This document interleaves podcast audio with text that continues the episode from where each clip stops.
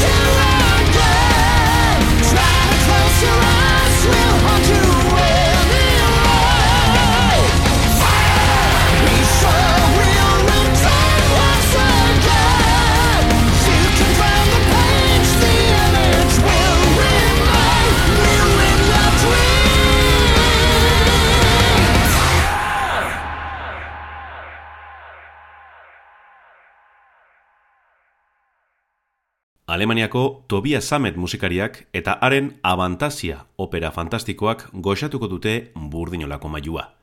A Paranormal Evening with the Moonflower Society izeneko azken kapituluak harrock eta power metal melodikoaren arteko oreka aldarrikatzen du.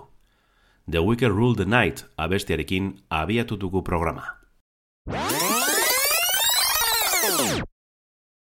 Mila bederatzerun eta larogeita emeretzi garren urtean erabaki zuen buruan zuen ideia ura aurrera eramatea. Ed gai taldearekin Feather of Salvation diskoaren aurkezpen bira bukatzean, Tobias Samet abeslari alemaniarrak metal opera bat konposatzea erabaki zuen. Proiektuari izena jartzerako orduan, bi hitz elkartu zituen, Avalon eta Fantasia. Horrela sortu zuen Abantasia. Gizakiaren irudimenaz aragoko mundu bat erakustea zuen helburu eta baita lortu ere. 2000 eta batean argitaratu zuen The Metal Opera lehen da biziko diskoa. Amasei garren mendean girotuta dago, eta Gabriel Laiman nobizio gaztea da protagonista. Aldiz, historioa kontatzeko luxuzko musikariak gonbidatu zituen sametek. Besteak beste, Michael Kiske, Andre Matos, David DeFace, Oliver Hartman, Sharon Den Adel, Kai Hansen eta Rob Rock. Osatu zuen taldea ere etzen makala izan. Enjo Richter gitarista, Markus Groskoft basu jotzailea eta Alex Holworth bateria jotzailea fitxatu zituen. Barneratu gaitezen aurreneko atalean. Ona hemen, Reach Out for the Light.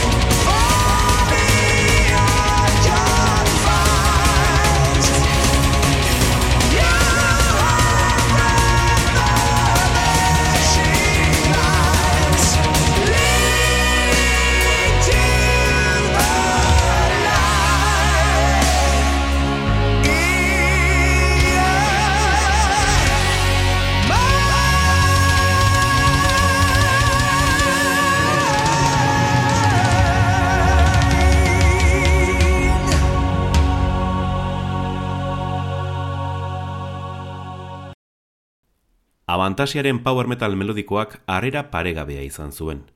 Lan kontzeptualak metalzale asko erakari zituen, batez ere, sametek kizkeren ahotsa berreskuratu zuelako. Bitxikeria gisa, diskoan, erni izengoitiarekin agari da, baina bere ala jakin genuen, Halloween utzi zuen abeslari bikainura zela. Izan zuen oihartzuna ikusita, sametek The Metal Opera Part 2 bigarren zatia plazaratu zuen 2000 eta bian. Hau duzue, The Final Sacrifice.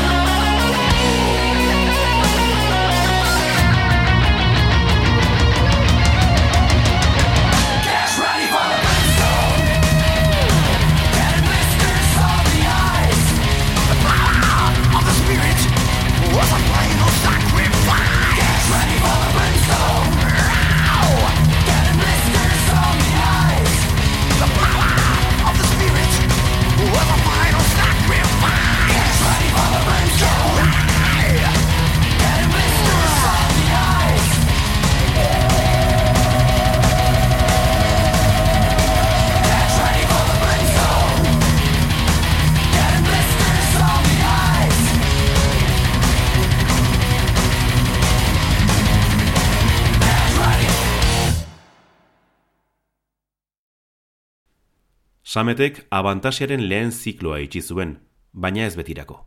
2000 eta seian, irugarren disko bat prestatzen ari zela adierazi zuen. Urte bete beranduako, Lost in Space lan labur bikoitza aurkeztu zuen aurrekari moduan. Ordurako, Sasha Paez, gitarrista eta ekoizlea hartu zuen bidelagun. Logoa berritu, irudia modernizatu eta jarrok melodiko irisgarriaren alde egin zuen. 2000 eta zortziko The Scarecrow diskoak aipaturiko norabide aldaketa islatzen du, eta The Wicked trilogiaren lehen zatia da. Izaki bakarti eta beldurti baten bidaia emozionala du izpide. Roy Kahn, John Lande, Amanda Somerville, Bob Catley eta Alice Cooper abeslarien partaidetza nabarmentzekoa da. Ona hemen, Shelter from the Rain.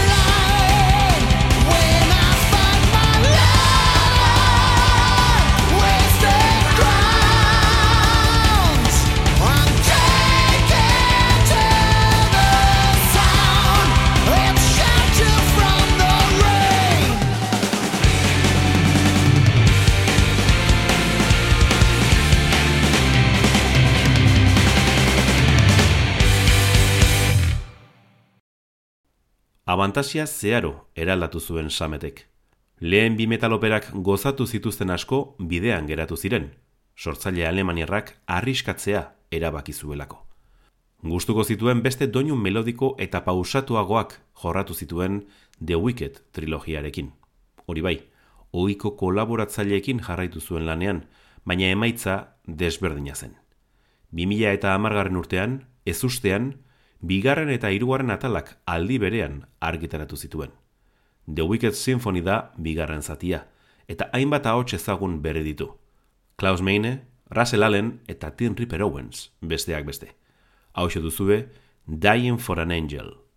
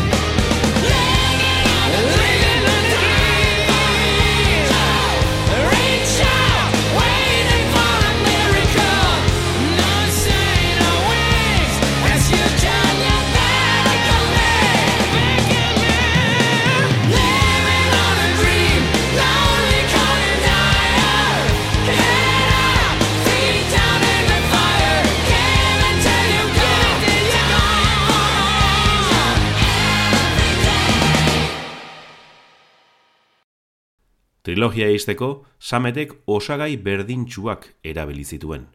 Abantasiaren The Wicked sagaren irugarren eta azken atala Angel of Babylon izan zen. Metal opera zena rock opera izatera pasazela aitortu zuen. Sametek beste dimentsio bat eman zion barrenean zuen horri, eta barneratzea lortzen duen entzuleak gozatzen du. Hona hemen, Promised Land.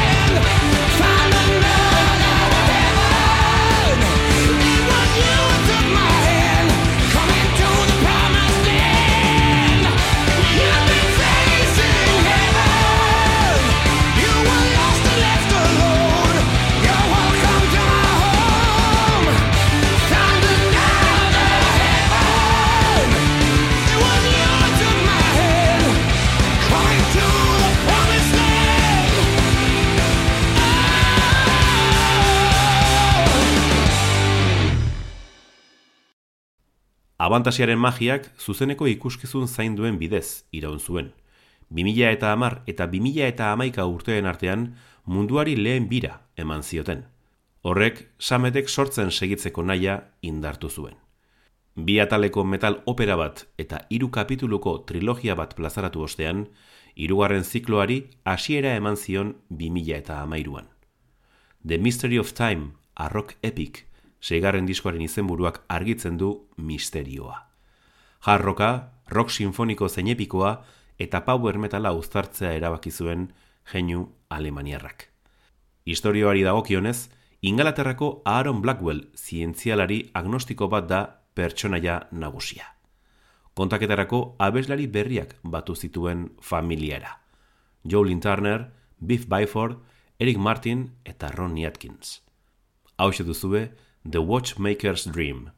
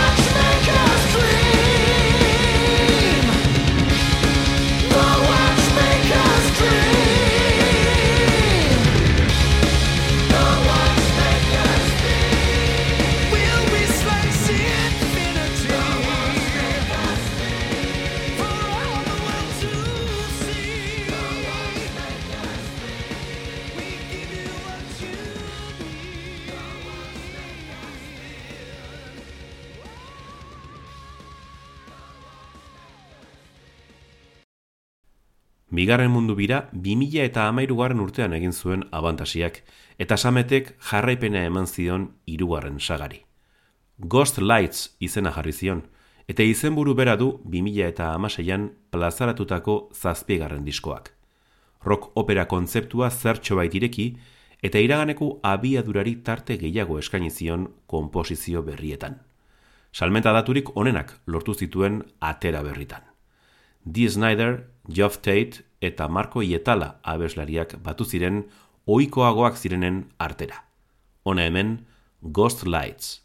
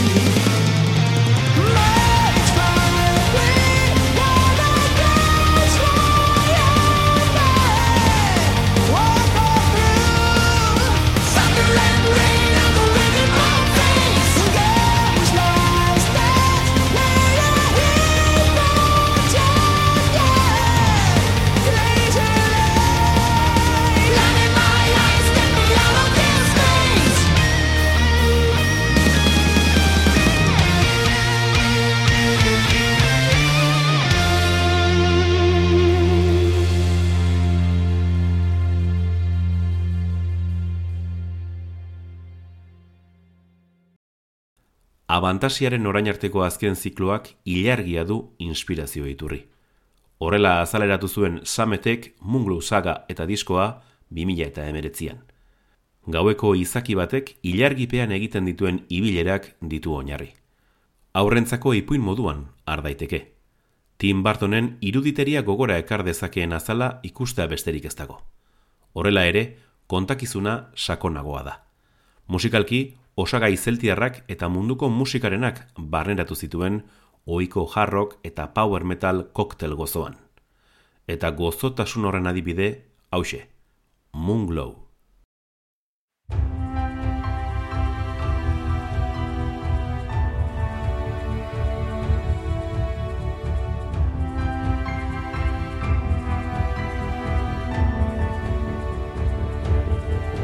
Such a beautiful light to undo what I thought I believed in.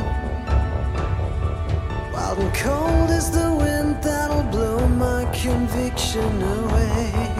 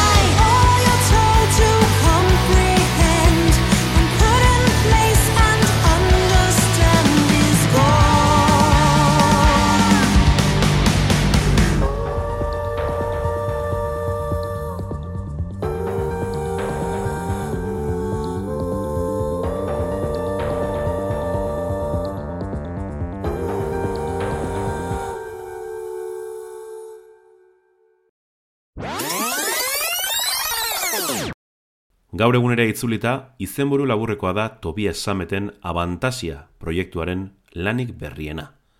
A Paranormal Evening with the Moonflower Society. Era berean, Moonglow zikloaren bigarren atala da. Aurrekoa bezain fantastikoa, baina biziagoa. Sortzaile alemaniarrak historio ederrak idazten eta horiek musikari aproposenekin jantzen jarraitzen du. Saioa bukatzeko The Moonflower Society abestia hautatu dugu. Urrengora arte, metalzale.